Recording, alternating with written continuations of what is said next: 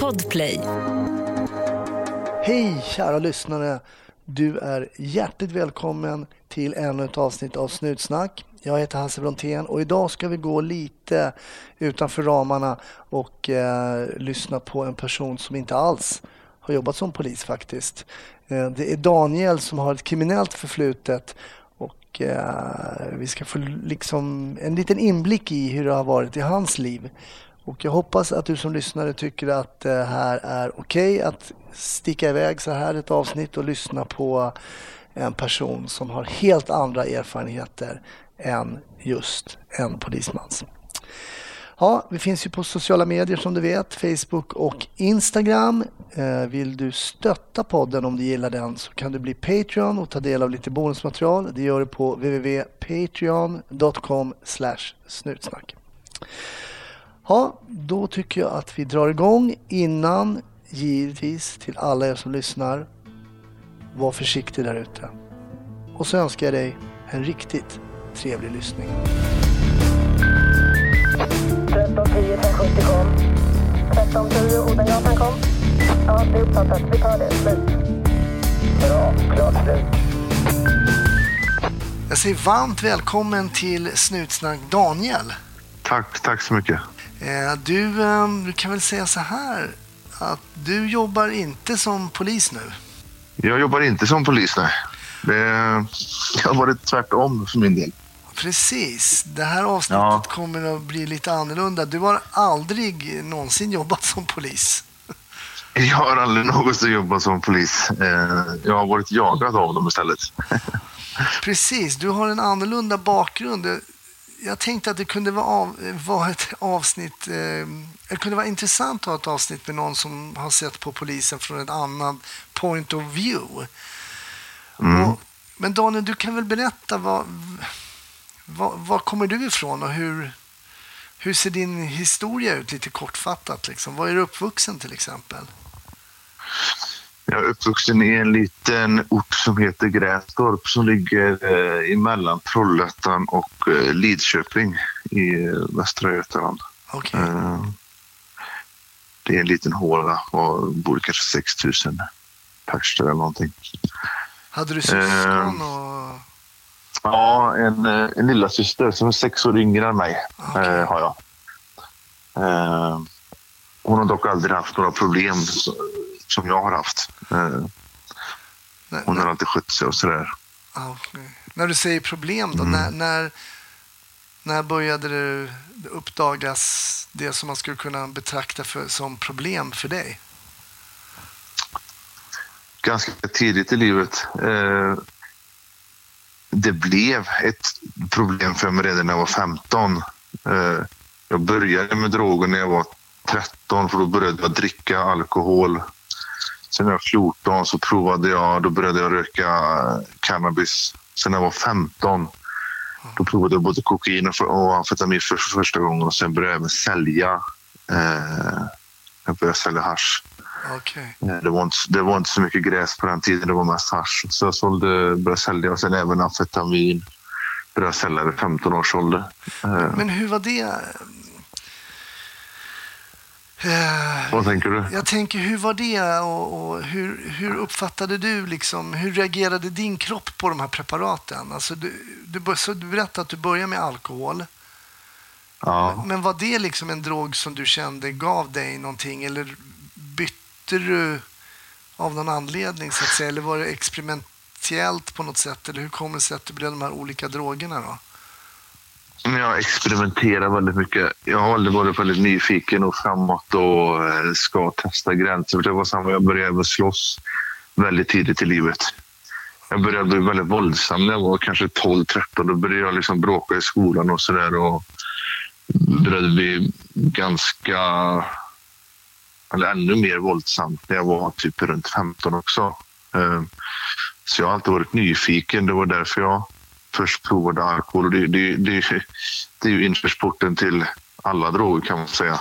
Eftersom den är så utbredd och den är ju även laglig. Då. Ja. Och eh, jag kom i kontakt med ganska tungt kriminella människor redan vid 14 års ålder också som på mycket droger och sånt. Och jag, jag var liksom inte så rädd.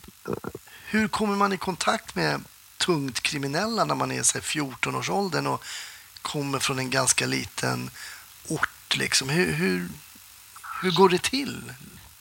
Jag gick i... Ja, det är ju en liten ort såklart. Och de som bodde i den här lilla orten visste ju vilka alla de här människorna som höll på med saker och ting som var lite mer kriminella och som knarkade. Alla visste ju vilka de var. Eh, mm. Och jag gick i samma klass med en kille vars bror var väldigt kriminell. Okej. Okay. Och, och på, på det sättet kom jag i kontakt med honom. Eh, och även andra, eh, även genom andra människor också då, som kände lite äldre människor. Så jag lärde känna dem genom eh, ja, människor som var i min ålder som kände de här människorna. Eh, okay. På, av, någon, av någon anledning. Um, men sökte du, också, har... sökte du också lite kontakt med den här typen av människor själv? Eller? Ja, det gjorde jag. Det gjorde jag. Jag, jag, jag såg upp till det. Jag tyckte det var rätt häftigt och coolt när jag var, när jag var ung. Jag, tyckte, liksom, jag såg upp till de här människorna. Eh, och det var därför jag blev väldigt impad när jag liksom fick kontakt med dem och fick sitta i samma lägenhet med dem. Och, och sådär. Då, jag tyckte det var riktigt häftigt då, i den åldern. Vad var det som var imponerande då? På vilket sätt var det, var det just att du visste att de var kriminella eller var det något speciellt de hade gjort? Eller varför var du imponerad då som ung kille? Jag var imponerad av saker och ting de gjorde. Inbrott och det kunde vara rån och knarkpussling. Jag visste att de Många av dem hade ganska mycket pengar vid vissa tillfällen. Eh, folk var rädda för dem. Mm. Jag, har alltid, jag har alltid haft den här känslan av att när folk är rädda för mig så har jag fått en speciell, bra, skön känsla i mig. För det började även som ung när jag slogs. Jag märkte att folk blev rädda för mig. Så då, då blev jag tillfredsställd på något sätt. Okay. Och kände att shit, det här känns ju fan skönt. De är rädda för mig nu. Liksom. Jävlar det, det var liksom positivt för mig. Ja, jag fattar. Är det mm. den här respektgrejen på något sätt som man... Att de har respekt för mig? Alltså, du säger rädda, vilket... Det är ju förståeligt om en person slåss och är aggressiv så, men man, en del kallar det för att man har respekt. Liksom. Är det lite samma grej då, eller? Ja, det blir det man får ju respekt. Är man våldsam och farlig så får man ju respekt av rädslan. Mm. För det är ju ingen som vågar säga emot. De, de, de kommer liksom respektera mig och respektera det jag säger. För att, men det är ju kanske inte av en bra anledning egentligen utan gör det för att de är rädda för mig. Och det är egentligen någon fel anledning att respektera dem. Men det brydde inte jag mig om utan jag mådde bara, jag mådde bara bra när jag visste att de var rädda för mig helt enkelt. Ja.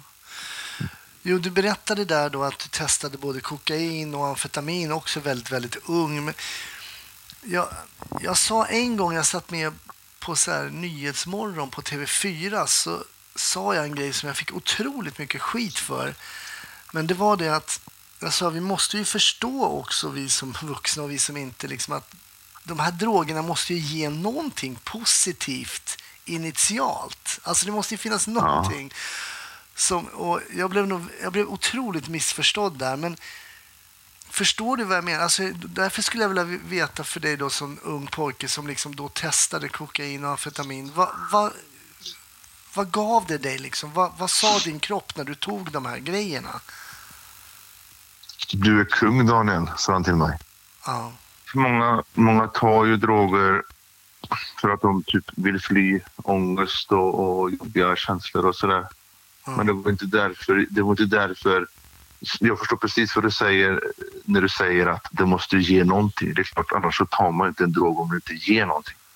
Jag tänker att för det mig... måste ju ge mm. någonting för att man ska ta en andra gång. Det måste ju vara någonting som gör att man... Ja, Aha. absolut. Jag förstår precis vad du menar eh, när du säger så. Och det, det säger jag till alla jag pratar med också.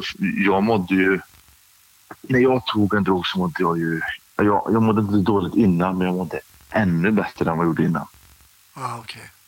Jag fick ju sån jävla kick. Jag mådde ju, sen beroende på vilken drog jag fick så fick jag ju naturligtvis olika slags rus beroende på vilken drog jag, tyck, jag tog. Men jag mådde ju jävligt bra när jag tog de här drogerna. Eh, annars skulle jag aldrig, som du säger, det, anledningen till att jag tog igen det var ju för att jag mådde så bra på dem. Ja. Eh, jag trivdes i ruset, det var liksom skönt. Och sen kommer ju givetvis effekter av att man tar droger ofta och det menar jag inte är bra. eh, nej, nej, jag precis. menade initialt att liksom jag kan tänka mig att en del ungdomar, så här, vuxna säger ta det där, du kommer må så dåligt och det är så. Och sen tar man tänker bara, de har bara försökt lura mig. Jag mår ju bättre än, alltså. Precis. Att, det, att man kanske måste vara så brutalt ärlig ibland och säga så här, visst, om du tar vad det nu än är, alltså kokain, du kanske kommer må bra två, tre gånger, men sen kommer det, det här och det här hända. Alltså man, ja. Exakt den, den, den, där, den där skrämselpropagandan funkar inte för ungdomar för, förstår ju att det finns ju...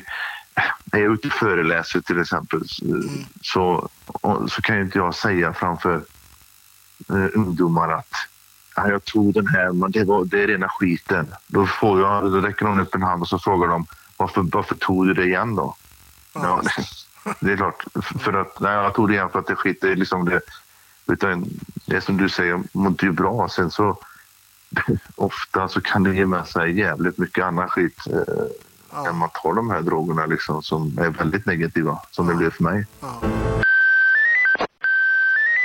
Jag tänkte bara om jag kunde få backa lite grann där till här respektgrejen. För att det är uppe på tapeten nu. Det är ju januari 2021 och det är mycket den här killen som heter Yassin som är då en sån här gangsterrappare.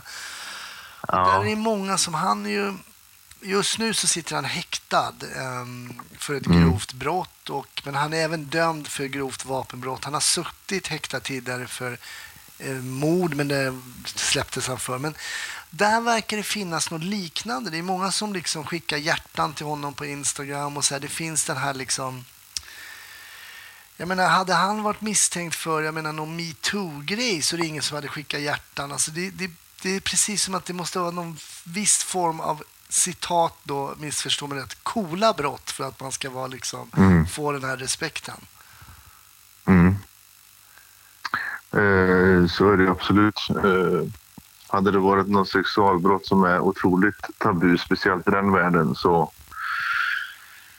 hade de ju velat döda killen istället. Men... Eh, så det måste vara speciella brott liksom egentligen? För att det ska in i det. Ja, ja absolut. Eh, och det är samma, vissa sorts brott inne på kåken ger ju olika slags respekt också beroende på vad du har gjort och allt sånt där. Eh, har du sålt fem gram slakt, det är inte samma som du gjort ett väpnat rån liksom. Nej. Nu, kanske inte, nu får du inte kåken för gram slakt, men du fattar vad jag menar. Alltså, om man jämför så det är liksom skillnad. Eller det kan vara eh, slå ner en polis kanske. Det är så här, oh shit, fan, hade han slå ner en polis? Han är viktig då. Du vet. Han är, ja, men du vet, det blir, så, så, så är det absolut. Men hur började det snurra för dig då efter liksom, eh, tonåren där? Du berättade 50, du började liksom sälja. Hur ens vet man hur man ska göra? Är det för att man har köpt innan då så man vet hur man säljer eller är det någon som lär upp en hur man ska liksom, eh, distribuera narkotika? Eller hur, hur var det för dig? de här äldre människorna som jag köpte av, jag såg ju hur de gjorde. Ja. Och jag är 15 år. Hur mycket fick jag i månaden? Jag kanske här barnbidrag, jag vet inte vad det var, på 950 spänn tror jag. Ja. Det finns inte chans att jag klarar att, att, att droga på de pengarna. Så det började ju med att jag frågade de här äldre om de visste någon som jag kunde få, få krita av. Då. Mm.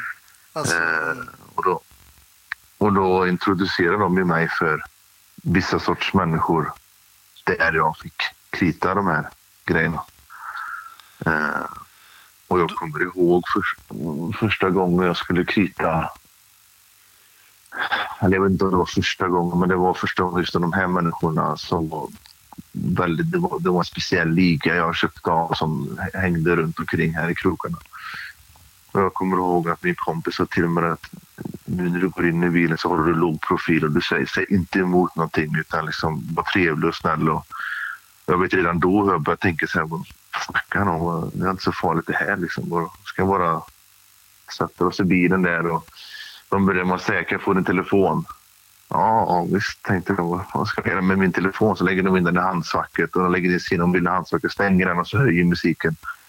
Och det fattar jag ju, fick jag till mig sen, det fattar jag inte då, men det var för att mobilen kunde vara avlyssnad och grejer. Ja, just det. Eh, så säger de det, vad tar ni för rökat i, i, i Grästorp och bort mot Trollhättan? Och, ja, men det är så och så mycket för fem gram. Ja, ja, men då säljer du för 50 spänn billigare. Så du konkurrerar ut de andra, så säljer du det. Och då tänkte jag så här, ja, och då tänkte jag så här, shit, ja, kan jag få ta billigare där då? Men vad händer om någon bits ner på mig då? Alltså, du vet, man börjar ju så. Mm. Men eh, så jag, jag sålde det för det priset och, och sådär. Men jag vet att jag tänkte att det här är ju rätt så... Fan, 15 år. När jag ser en 15-åring idag tänker jag så här, fan var jag så ung och, satt och höll på liksom. Ja. Och sitter med sådana människor där, det blir liksom... Ja. Bara för att förtydliga då för lyssnarna när du säger att du kritar, alltså det vill säga du fick narkotikan upfront utan att betala. Sen sålde du och sen redovisade du pengarna till eh, de som hade gett dig narkotikan, eller hur? Precis, precis. Och det där kan ju vara ganska risky. Jag menar, om du, vad händer om du blir eh, rånad på den här eh, Ja. narkotikan då och inte kan redovisa de här pengarna? Vad, vad hade hänt då? ja, då hade jag fått bra mycket stryk. Ja, det är så. Ja, ja. Ja, i värsta fall så kanske man tar ett finger eller en tå eller någonting också. Det alltså, mm, eller slår ner knäskål om inte jag kan betala. Då ska jag ha sina pengar. De skiter ju mig liksom. Mycket... Speciellt då i början. Jag lärde ju känna de här grabbarna sen naturligtvis. Men eh, i början, jag hade ingen aning om vilka de här var. Utan det var min kompis som introducerade mig för de här. Liksom. Ja, okej. Så det var hans kompisar. Jag kände inte dem någonting. Och, och, och, och jag vet att de sa det också. Att liksom, försöker du blåsa oss, jag lovar dig, vi kommer, då kommer vi hitta dig. Liksom. Ja, okej. Ja, ja. Fan. Men jag vet inte, jag hade inget riktigt... Jag tänkte inte alls sådär. Jag fattade inte vad jag gav mig in i heller när jag var så pass ung. Jag fatt, förstod inte riktigt.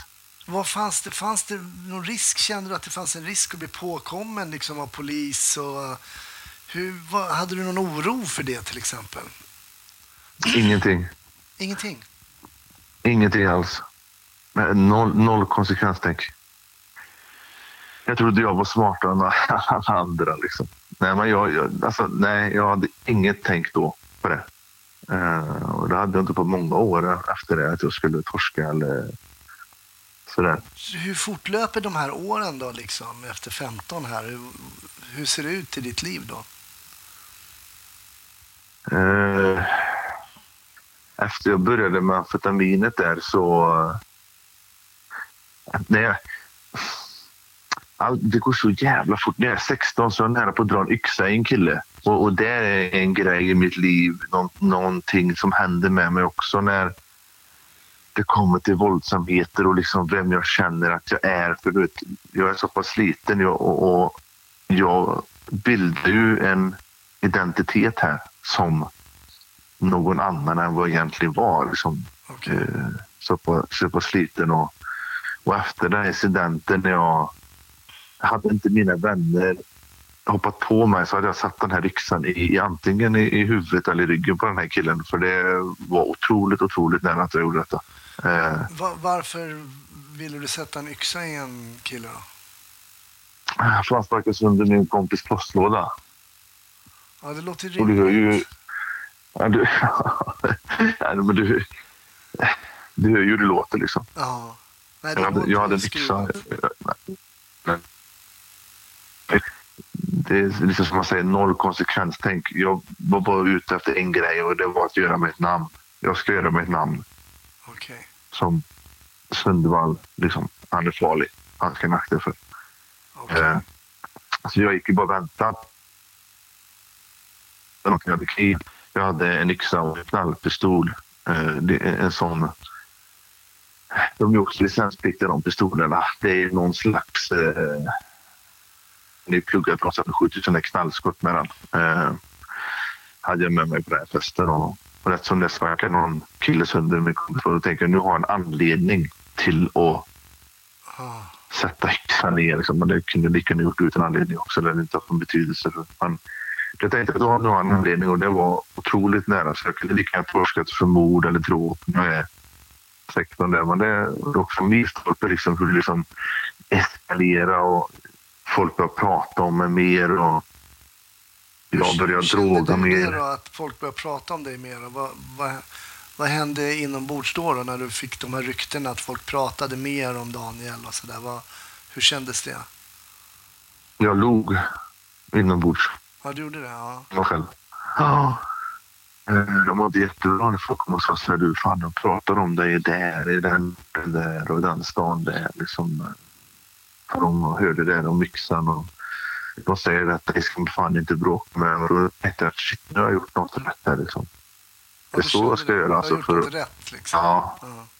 ja, det är så jag ska göra för att infinna respekt och, och göra mig ett namn. Sådana saker. Eh, och, och, och det rullar ju på. Alltså jag började droga mig också för jag flyttade även till Borås när jag var 16 och började gymnasiet där. Men det går ju åt helvete för jag, jag skolkade och stod och rökade på skolgården och i skolan. Och, eh, jag hittade även kontakter för jag går med i eh, jag går med i AFA, antifascistisk aktion och så går jag med i eh, ett fotbollshuligansgäng okay. i Göteborg. Okej, okay, men eh, I, är det, jag höll på att säga, nästan lite same same, eller? Ja, det kan man ju säga. För det handlar ju om, eh, det är ju liksom våld och knark. Ja. Var det så i båda det var det då. Både i AFA och i huligan? Ja, det var det. Det, det var det. Eh, otroligt mycket våld i, otroligt mycket våld i, i AFA och även droger också. Eh, I fotbollshuliganen var det både och. Det var bara, det var det enda fokuset var bara våld och knark. Så jag kände att jag passade in perfekt. Eh, jag kommer ihåg när jag stod på första fotbollsmatchen med de här. Jag blev också introducerad av en kompis, han tog med mig. Jag har aldrig gillat fotboll. Aldrig haft intresse. Jag stod på den här matchen och eh, stod med de här killarna och jag frågade dem så här, vad fan, hur länge håller fotbollsmatch på? frågade jag. Och de liksom kollar på mig och tänker så här, vad är det för jävla idiot vi har fått med här? och, jag, och, och jag säger det, vad fan, jag, vill, jag vill bara slåss. Liksom. Och tänkte, vad är det för jävla dåre vi har fått med här? Liksom. oh. Men, det var det, var det enda jag var ute efter. Eh, och jag fick ju kickarna där liksom. Jag fattar. Jag tänker på AFA då. Fanns det någon politiskt intresse då det här? Eller var det lite samma som med fotbollen då? Eller? Ja, jag hade ju noll koll på, på, på politik. Eh, alltså jag, jag har ju aldrig gillat eh, alltså ren och skär rasism och nazism och, och, och sådana. Det har jag inte gjort. Nej, det är ju Men, rätt så, så, så, så, som det, gör det. Ja, och så där hade jag en agenda. Då fan, får jag slå på rasister och nazister, ja, men då gör jag något bra också då, samtidigt som vi, jag får utöva våld. Just liksom. det. Just det. Eh, eh, och ja.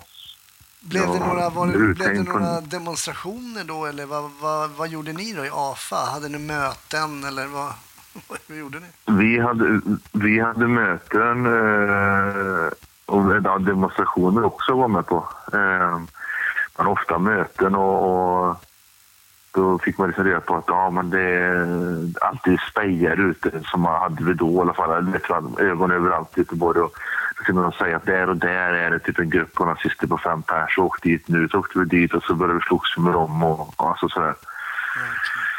Mm. Eh, men det kan ge med sig, alltså jag blir ju på nätet med både bild och, och namn. Mm. Uh, Info 14 heter den hemsidan, en gammal nazisthemsida. Jag vet inte om du har hört talas om den. Jag tycker jag känner igen det. Ja, den var en av Sveriges kändaste. Typ. Uh, där blev jag uthängd med både... Vet, jag har alltid varit driven så där, så startade upp en egen liten gruppering här i, i, runt omkring orten här då. Uh, som skulle vara så antinazistiska och en liten AFA-gruppering kan man säga. Mm. Och det är, alltid, det är alltid ett jävla krig mellan vänster och höger. De här. Så då jag blev uthängd på nätet med både bild och adress och namn och telefonnummer och hela skiten. Och, ja, det var, det var, det var mindre roligt när jag såg mig själv på den hemsidan så hela Sveriges nazister kunde se vart jag bodde och sådär. Från den dagen så var det folk som ringde på min dörr och jag hade kanske tio missade samtal på skyddat nummer varje dag och sådär, i, i några månader framöver. Så det är klart man, då, då beväpnar man sig extra noga och, och var tvungen att kolla sig runt axeln lite då och då. Men då var du alltså med i de här anledningarna till AFA och den här fotbollshuliganerna var egentligen för att du gillade kombinationen droger och att slåss? Ja, precis. Droger och våld. Våldet gav mig också en jävla kick att slåss. Mm. Jag, har alltid gillat, jag har alltid gillat att slåss. Vad tror du det kommer de ifrån? tre då? stycken. Vad tror du det kommer ifrån att du alltid har gillat att slåss? Ja, det, det, det är på grund av kicken jag får. Ja, det är så. Jag, får- jag, jag får ja, det är den adrenal- adrenalinkicken. Ja. Och sen, sen har jag alltid varit, jag har alltid lyckats. Jag har varit ganska duktig på, på fightas så där också. För jag har alltid, det är klart jag har fått stryk några gånger i mitt liv naturligtvis. Eh, Men jag vet det kan jag ha med tur att göra också. Jag vet inte, jag var jävligt, alltså jag var jävligt galen när jag var ung också. Så, där, så jag gav ju mig inte heller. Kunde det vara tre pers framför mig så, skulle, tog, så gick jag på alla tre liksom. Jag kunde slåss med alla tre. Och sen när man då ser att, sen när man då ser att tre stycken blir rädda, att man är så jävla uppe i varv, man har sån jävla adrenalinkick och man är så galen så att de liksom sticker. Ja. Då växer jag, då växte jag som person ännu mer och kände att jävlar, jag är kung, liksom. jag är ju grym, tyckte jag att jag var då. Jag fattar. Eh, så allt det negativa tog jag som något positivt. Fanns det aldrig, kom det aldrig in någon, hade du aldrig något möte med polisen under den här tiden? Jag tänker AFA, huliganer, narkotika. Det låter ju som att du måste ha, blottade du aldrig eller var du lite smartare som du sa där? Eller kom det aldrig in något möte med polisen någon gång? Jo, de tog mig för, eh, andra gången i... Uh, vid det här tillfället så har jag åkt fast för olovlig körning, brott mot knivlagen och skadegörelse. Mm. Har jag gjort. Okej. Eh, det, är inte, inte i samband med någon AFA-demonstration eller någon huligangäng eh, har jag inte åkt fast för de grejerna. Utan det, det är vid tidigare tillfällen jag har gjort det. Då. Eh, så jag har ju haft kontakt med polisen. Eh, polisen tog mig en gång i Göteborg där då, när, det var, när vi skulle slåss eh, det var huliga, eh, med det huligangänget. Då tog, de, då tog de mig också. Men det var ju bara visitation, sen släppte de mig. Liksom. Okej. De undrade, de undrade varför jag hade tandskydd på mig när jag är ute och går på stan. Nej, jag ska gå på boxnings, jag ska gå på boxningsträning, så. Och de fattade ju att de hade ju sett på mig. Men alltså, de kunde, jag, hade, jag hade inget vapen på mig. Nej. Nej. Hur var, hur var mötena här? Var mötet då, då? Det var liksom bara så här visitation och okej, vi fattar, du fattar att vi fattar, men du får gå typ. Ja, lite så. För det var ett jävla pådrag. Det var helikopter och det var hundar. Och för vi, var, vi var nog 30 pers och de var nog 30 pers. Så det var ett jävla pådrag. Det var ett jävla pådrag där i Göteborg. Eh, de var stenhårda liksom. Eh, men mig släppte de då eftersom de inte kunde påvisa. Mina vänner hade ju både påkar och knivar och grejer på sig men jag, hade, jag var inte beväpnad då. Eh, Jag fick däremot stryk när jag åkte fast för skadegörelse och brott på knivlagen där. Mitt andra möte med polisen, då fick jag, då fick jag stryk faktiskt. Hur Då gick, var jag- hur gick det till då? Eh, Jag var i Lidköping eh, och var jävligt full. eh, Och jag vet inte. Jag har med mig teleskopbatong och knogjärn ut eh, för jag vet att jag skulle... Ja, det varit ett bråk med några killar, några äldre killar, några helger innan. Jag tänkte stöta på de här järnen så ska jag plocka dem. Då tänkte jag. Mm. Eh, och jag går och börjar sparka på bilar och skyltfönster och slå sönder postlådor och, och sådär. Slå sönder väldigt mycket. Och då åker det en civilbil bakom mig och ser allt det här. Okej. Sen kommer det en målad bil och kör upp framför mig.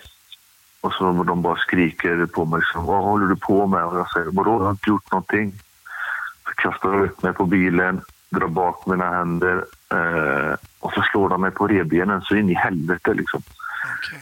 Och då, börjar ju, då reagerar jag och tänker så här, vad fan håller, vad håller ni på med? Vad fan har ni inte gjort någonting? Jag har inte gjort någonting. Sen när de drar upp min hand ur fickan, då har jag ett knogjärn på handen som jag inte har fått av. Mm. Och då tror ju de, de säger det, vad fan ska du slå oss också den jäveln, säger. Men det, jag hade ingen, jag hade ingen liksom, tanke på att försöka slåss med polisen. Eh, så då, då kastar de in mig i bilen, en sätter sig fram och kör mot stationen och en lägger sig över mig i baksätet och, och tar stryptag på mig. Och liksom stryper mig i, i, bak, i baksätet. Och jag blir, där får jag ju panik för jag tror, vid det tillfället tror jag att han ska döda mig faktiskt. För han trycker så in i helvete på min hals. Jag får ingen luft och jag, jag försöker liksom väsa fram det att jag får ingen luft. Ja. Eh, Sådana som dig ska fan ha skit, säger han. Och jag tänker shit, fan, han kommer döda mig liksom. Så jag börjar sparka mot honom. Ja. Han precis, precis då kommer vi in till stationen så då sätter han sig bredvid mig och så reser han mig upp så att inte någon på stationen ska se att han har gjort det här. Okej. Så jag har ju stort märke över halsen och så eh, det, var, det, det var min andra liksom, träff med polisen och, och det var ju ingen positivt direkt. Nej, precis. Hur, hur, ehm, hur sätter sig en sån där eh, upplevelse då? Sen tänker du nästa gång jag träffar polisen, hur tänker du då? Alltså, jag fattade, jag har ju gjort fel. Det jag gjorde var ju fel. Jag, under hela mitt liv så har jag ju fattat att polisen gör sitt jobb och polisen kommer, eh, de tar mig och det är inget konstigt med det. Jag får acceptera det för jag, det är jag som gjort fel, jag som bryter lagen. Eh, men efter den incidenten just då så sa jag det jävla snutjävla liksom. Jag ska ta reda på var den polisen bor och ska skaffa in en brandbomb i hans hus tänkte jag. Eh, det hade jag säkert aldrig vågat eftersom det är en polisman. Alltså, det var liksom min tanke att den jäveln alltså. Vad fan är det med han liksom? Vem tror att han är? Eh, men min, alltså, nu kommer jag inte ihåg exakt då vilket som är mitt andra möte med polisen. För det har varit några stycken sådär. Men jag har alltid försökt att behandla polisen med respekt och i åtta fall av tio så har de behandlat mig med respekt också. Ah, okej. Inte De just har det här liksom varit- kanske. Inte just då. Det var eh, riktigt illa faktiskt. Ja. Eh, det var väldigt, de hade inte lust att slå mig så i helvete mycket. Eller kanske inte någonting alls. Eh, men annars har jag, jag bara försökt att behandla dem med respekt. För jag vet, är jag, kommer de att ta mig för någonting och jag liksom, inte vet jag, vill säga ett kilo, ett kilo brassa eller någonting. Så det är ingen idé att jag försöker då Alltså, vad ska jag göra? Ska jag, det hjälper ju inte att att sitter jag här med en kasse med, med, med hasch och så kommer de och så tar de mig med det här.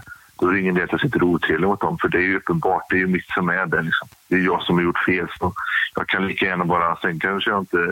Det är klart jag försöker komma undan och inte erkänna och ljuga naturligtvis men jag behöver inte kalla dem för grisjävlar eller snutjävlar eller sådär. Liksom, för det är, det är för mig helt jävla onödigt. Inte så länge de behandlar mig, mig, mig i respekt. Då, då kan jag lika gärna behandla dem med respekt. Det är liksom Så du, jag som har gjort fel. men du säger att åtta av tio gånger så har det liksom, då har det flutit på på något sätt då med, trots att du har gjort kanske något kriminellt och de eh, har gripit dig eller sådär. Ja. Hur, när började, hur länge höll det här på? Alltså, hur gammal är du när det här hände med knogjärnet och i polisbilen? Hur gammal är du då? 17 tror jag. Ja, du är så pass ung. Ja. Jag är ungefär 17 och eh, åren går ju här. Eh, det rullar, alltså, och, och jag börjar sälja mer och mer knark och jag börjar med mer och mer olika droger.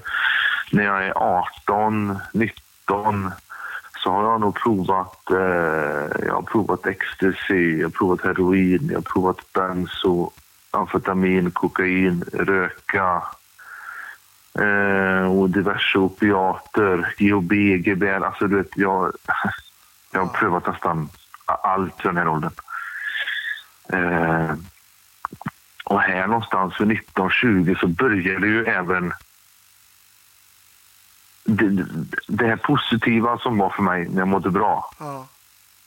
börjar ju här nu gå... Det börjar bli negativt istället. Jag börjar känna ett, ett måste ha de här drogerna för att jag ska ha kul i livet. För att jag inte ska ha ångest eh, just vid de tillfällena när jag, när jag väl tar de här drogerna. Mm. Jag börjar ju bli torsk, alltså jag börjar ju utveckla ett beroende här nu. Eh, min vardag börjar bestå av ångest och alltså jag känner mig jävligt kass och dålig och, och livet är skit och du vet. Eh. Hade, hade du några kompisar på den här tiden? Alltså, eller var, stod du ensam i det här och sen med de här... Hade du någon liksom som inte drogade eller var allting i den här bubblan liksom? Alltid varit- jag hade ingen som inte drogade. Så allting, Jag hade släppt de kompisarna. hade du släppt dem eller hade de släppt dig också? Var det någon kombo eller? Nej, de släppte, de släppte mig också. De ville inte umgås med mig. Nej. Sen så hittade jag ju nya kompisar överallt så jag slutade umgås även med dem. Egentligen var det kanske jag som slutade umgås med dem. De kanske inte visste vad jag höll på med men hade de vetat och de visste sen så hade de inte velat umgås med mig ändå. Jag vet att många tog avstånd för så fort jag kom in på en fest här liksom, så blev det helt knäpptyst på festen. Okej. För de visste, de visste att nej, nu kommer han liksom. Uff, det ska vara han här, den jävla tunneln liksom. Eh, Så det var- det, det blev obekvämt för dem. Men Jag vill inte ha kände med du det. den känslan också då? Ja, ja, jag kände det gick att skära i, i luften. Liksom. Det var så stelt. Men jag brydde mig inte.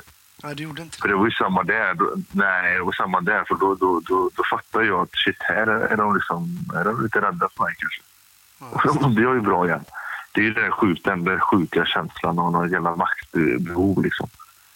Att jag var tvungen att känna makt. Och, Men den här, jag tänker att du, du berättar här att liksom det börjar vända. Du känner att shit, jag måste ha droger annars så får jag inte bort ångest och så vidare. Och så vidare.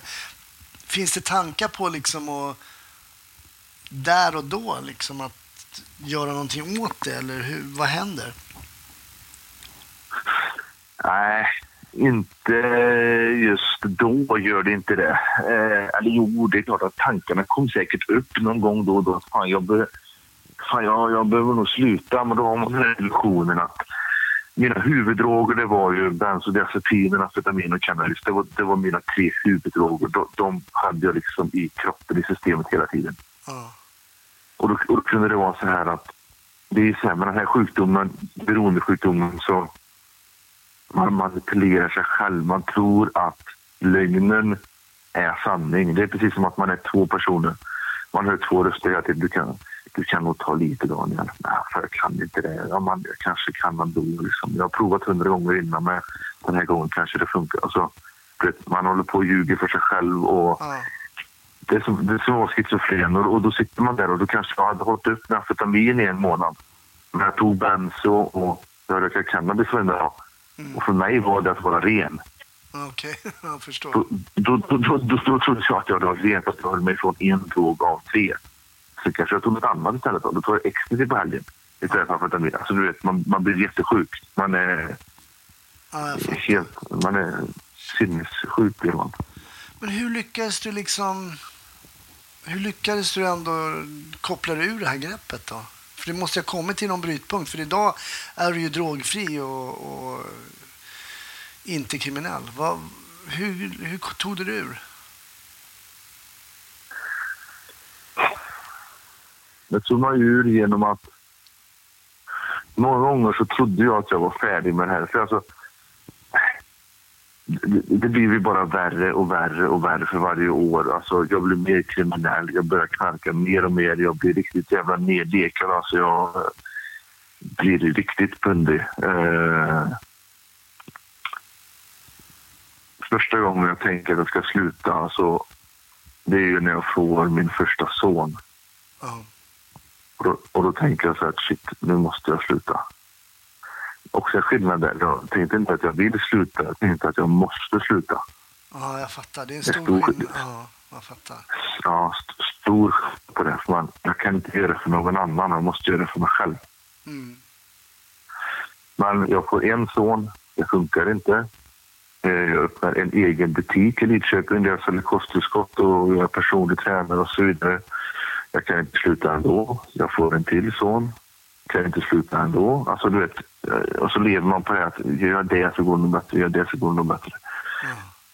Ja, jag börjar dock gå på tolvstegsmöten i en, specifik tolvstegsgemenskap. För jag vet att eh, jag fått tipset av att gå på de här eh, mötena och, och köra det här programmet. Jag vet att det funkar. Eh, jag har sett jättemånga bli rena genom det. Eh, men jag tar inte till mig det helt och hållet utan jag eh, försöker ändå gå min egna väg. Jag går på de mötena. Jag knarkar, går på möten, knarkar. Gör inte de här tolv stegen som är lösningen på problemet. Men eh, sen så sista året innan jag blir ren så då tar det ju slut mellan mig och barnens mamma och jag flyttar till Lidköping och bor där i en, en etta. Och jag, har knark, jag, jag, jag har knarkat, jag har tagit sjuka mängder droger och knarkat väldigt, väldigt mycket i. Men det sista året det var nog det, det, var det värsta jag varit med om. Alltså det, jag vet inte hur mycket psykos jag fick och krocka min femte bil och Ja, jag vet inte fan. Mycket våld och jag blir kriminell igen och då driver jag även en butik. Liksom. Oj, okej. Jag står, och, jag, och jag står i den här butiken och jag, det, jag tänker gå till en butik och ska vara, agera personlig tränare när man har varit vaken på amfetamin i fem dagar och käkat benzo och ecstasy och grejer. Det, en- det, det, håller, ja, det håller liksom inte. Jag fattar inte vart det var. Jag trodde jag var på månen. Liksom. Jag fattar ingenting. nej. Man det, man det är någonstans. Jag knarkar. Jag är tacksam för att jag tog det, att jag körde det sista racet. Därför i det sista racet så knarkar jag igen mig så att jag blir så fruktansvärt dålig så att jag får kraft från någonstans att lyssna på andra som har gått före och göra exakt vad de säger Okej. att det, att det borde göra. Eh, Så jag skaffade en, en sponsor i det här tolvstegsprogrammet och det är en sponsor är sån som har också har varit missbrukare och som är beroende som har gjort stegen och som nu hjälper andra genom stegen. Mm, jag fattar. Och jag, och, och jag gör precis vad han säger och, och efter att jag gjorde de här stegen ute så har jag varit drogfri. Hur var det då? Att liksom på något sätt komma ut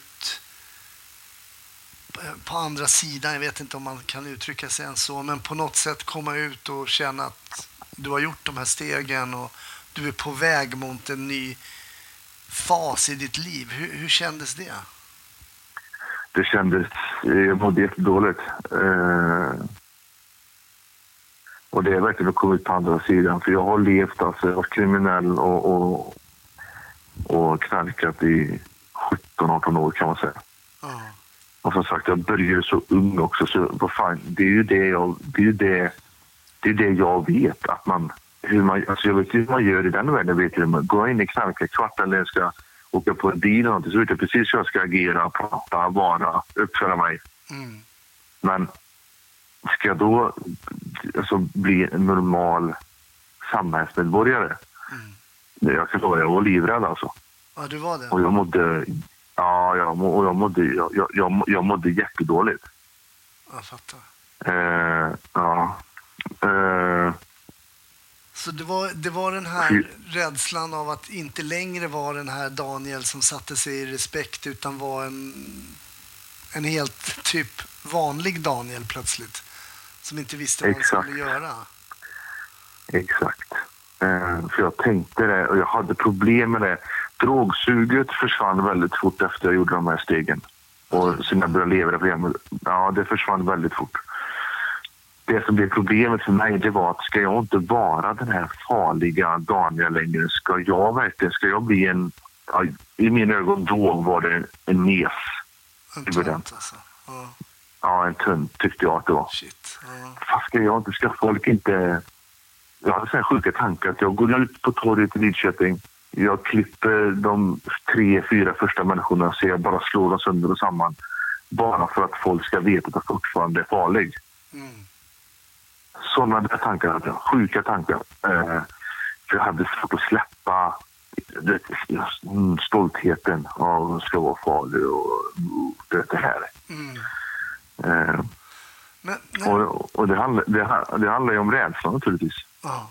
Men när du ser tillbaks på det här, givetvis så kan man inte återberätta allt i liksom ett poddavsnitt på, um, som inte är så långt. Men när du ser tillbaka på det här så det är inte så mycket polis, polis. du har inte liksom gjort några långa vänder. Eh, var, var någonstans skulle man liksom ha kunnat stoppa den här, den här resan? Ja, det, har varit, det, det har varit en del poliser. Det blev ju sen. Alltså det, det har varit, jag vet inte, jag har väl lite, lite brottsregister. Jag vet inte hur många A4 det är på. Men det är ju alltså lite vapenbrott och det är narkotikabrott och det är snatterier. Sådär, men jag, jag, första gången, jag, alltså jag åkte ju fast. eh, Jag skulle få två och ett halvt års fängelse men jag fick ett och ett halvt års kontraktsvård istället. Okej. Eh, och då var jag motiverad till Då vara 22, tror jag, 23. Och då, då, då kände jag att jag var motiverad till en början, de första tre månaderna. Men det är samma där, det hände någonting. Och jag kände shit, fan, nu har de tagit mig. Jag var där på för två, två och ett halvt år här liksom. Det är inget... Nej, det, det är inte kort, men det är inte... Alltså, det är inte jättelångt heller sådär. Men, mm och jag fick ändå ett och ett halvt år och, och så kontraktsvård och kände jag sitt, nu fick jag en chans. här. Nu sitter jag här på behandlingshem. Nu kanske jag ska ta den. Nu ska jag nog sluta. Och, Mm. men sen börjar den, då kommer den här rösten igen. Ah, fan, jag kan nog lite. Det är nog lugnt. Mm. Så det sket sig där också för jag började sälja droger på behandlingshemmet liksom. Mm. Och knarka och käka liksom droger som inte syntes på pisseproven och, och manipulera dem och, och sådär. Men jag får ju ofta frågan också när jag är ute och föreläser, vad, vad skulle kunna hjälpt vad skulle kunna hjälpt dig att, att sluta? Mm. Min, min morsa och farsa eh, har ju haft ett helvete med mig under de här åren. Mm. Och de har ju försökt med allting, eh, men de har ju varit helt maktlösa för jag har skitit i dem. För jag har ju varit så jävla egoistisk och bara tänkt på mig själv och mina droger och, och sådär. Men Mm. de är ju socialtjänsten och sådär, men det har ju liksom... Det, det, det har liksom inte... Det sitter en människa framför mig som inte har en egen erfarenhet av någonting så lyssnar inte jag på den personen. Ja, jag fattar. Hur viktigt är det att ha just en sån här sponsor som själv har gått igenom det där? Är det, alltså svårigheten kanske att luras och så här, hur viktigt är det? Det är jätteviktigt. Ja. Det, jag, skulle, jag, jag skulle kunna säga att jag tror inte att... Jag tror... Alltså, eller jag, tror, jag, ska inte säga att, jag ska inte sitta och säga för mycket, men jag kan säga så här att en beroende hjälper bäst en annan beroende. Eller missbrukare bäst en annan missbrukare. Mm. Eftersom att när jag sitter och pratar om någonting, alltså pratar om mina känslor, pratar om mina tankar, så förstår den personen exakt hur jag menar. Mm. En människa som inte är beroende vet inte hur jag känner och hur det är. Då kan jag säga, ta dig i kragen då. Jävla dålig disciplin du har. Jag har ingen disciplin göra, så jag är sjuk. Mm, jag Det är liksom bero, ja, beroende är klassat som en sjukdom. Och det, det är det här jag vill förmedla på föreläsningar och sånt också. Att det är liksom, att folk kan förstå vad det handlar om. Mm. För vad gör du Eh, idag? Vad så- gör du idag? Idag jobbar jag på HVB-hem för unga killar. Eh, Jag är biträdande övervakare. Jag är kontaktman åt socialtjänsten, åt människor som har hamnat lite snett. Mm. Jag, jag är ute mycket och föreläser om mitt liv och om beroendesjukdomen och kriminalitet och sådär hos, eh, ja, hos alla som, som, eh, som jag ska komma. Det kan liksom vara poliser och det kan vara socialtjänst, det kan vara behandlingshem, skolor, liksom, vad som helst. Sen är jag självklart sponsor också. Ja, just det. Du är sponsor också som en, den här Ja, personen var åt dig. Precis. Precis. Men hur känns det att stå och föreläsa till exempel och liksom blotta om du ändå har varit en kille där man ska vara tuff och hård och kunna fightas och så berättar du nu att du berättar, berättar om känslor och, och, och, och grejer. Hur, hur, hur går det ihop då med den här gamla Daniel? Den gamla Daniel har jag, jag har varit ren i snart fyra och ett halvt år ungefär. Eh, de första två åren var det jävligt jobbigt det här med gamla Daniel. Mm.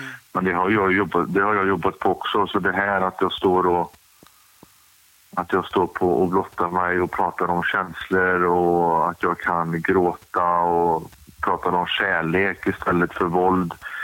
Jag har inga problem med det nu, för jag har blivit en helt ny människa som jag har hittat mitt sätt att leva nu istället för med droger. Då, och det är att hjälpa andra människor att sprida något, något slags budskap om att det funkar. Eh, så jag behöver inte se mig själv som en hård kriminell, farlig människa längre. Jag ser, jag, jag, jag vill hellre få sig se mig som en ödmjuk, snäll, bra kille istället. Och det, eh, så, så var det naturligtvis inte i början som, som jag sa, men det, det har liksom sakta men säkert så har jag byggt upp det. Mm. Och sen är jag en helt annan person jag. Jätteskillnad. Ja, det är häftigt och det är intressant hur du säger det här med att nu måste jag sluta och nu vill jag sluta. Det är ju, jag förstår att det är väsensskillnad i det. Ja, det är eh, jätteviktigt. Jag vet att uh, du har ju dina killar, dina söner och jag tänkte att vi skulle prata lite vidare i uh, Patreon-avsnittet lite kring lite hur det är att vara farsa och ha två killar och kanske rädsla för att de ska bli kriminella och lite mer att jobba med också killar som är på glid. Men jag skulle vilja avrunda liksom det här avsnittet med, för jag brukar alltid fråga mina gäster som jobbar som poliser om de har någon favoritpolisfilm eller serie eller något sånt där. Och jag tänkte jag skulle ställa samma fråga till dig, men du har ju en helt annan bakgrund som jag har fått höra. Men vad, du behöver inte, du behöver, ja, någon bra film. Vad, har det ändrat sig också, vad, filmsmaken med åren eller? Nej, jag, nej, jag gillar faktiskt, eh, jag tycker fortfarande om gangsterfilmer och, och sådana filmer. Det, det, där, har jag, där har jag inte ändrat mig faktiskt. Eh, det. var, det är väl det jag, jag, jag gillar. Jag, gillar alla sorters Jag tycker fortfarande det är lika bra. Alltså det, det gör faktiskt det. Ja. ja.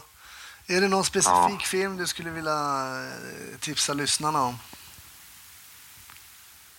Någon film som jag alltid har fastnat för det är Pusher, danska Pusher. Ah, det, är tre, det finns ju tre filmer, men eh, ettan kommer jag ihåg när jag såg och jag tyckte den var så jävla bra. Liksom. Mm. Eh, så Pusher, den, den, den kan jag rekommendera om man tycker sådana filmer är bra. Toppen. Daniel, alltså stort tack eh, för att vi har fått en liten inblick. Eh, som jag sa tidigare, det är väldigt svårt att på en knapp timma liksom kunna... Men väldigt, väldigt intressant att få en inblick i en helt annan värld för, eh, för många lyssnare. Och mm. stort lycka till med allting nu här med föreläsningar och allting i framtiden. Tack så jättemycket. Det var jättetrevligt att vara med. Var det.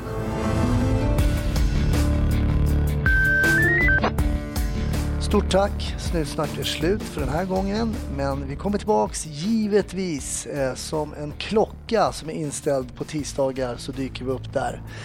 Så håll ut om en vecka igen. Glöm inte att bli Patreon om du gillar podden och stötta den lite extra. Det gör du på www.patreon.com snutsnack eller upptäck oss på Instagram eller Facebook om du inte redan har gjort det. Ha det fint till nästa vecka så hörs vi. Hej då!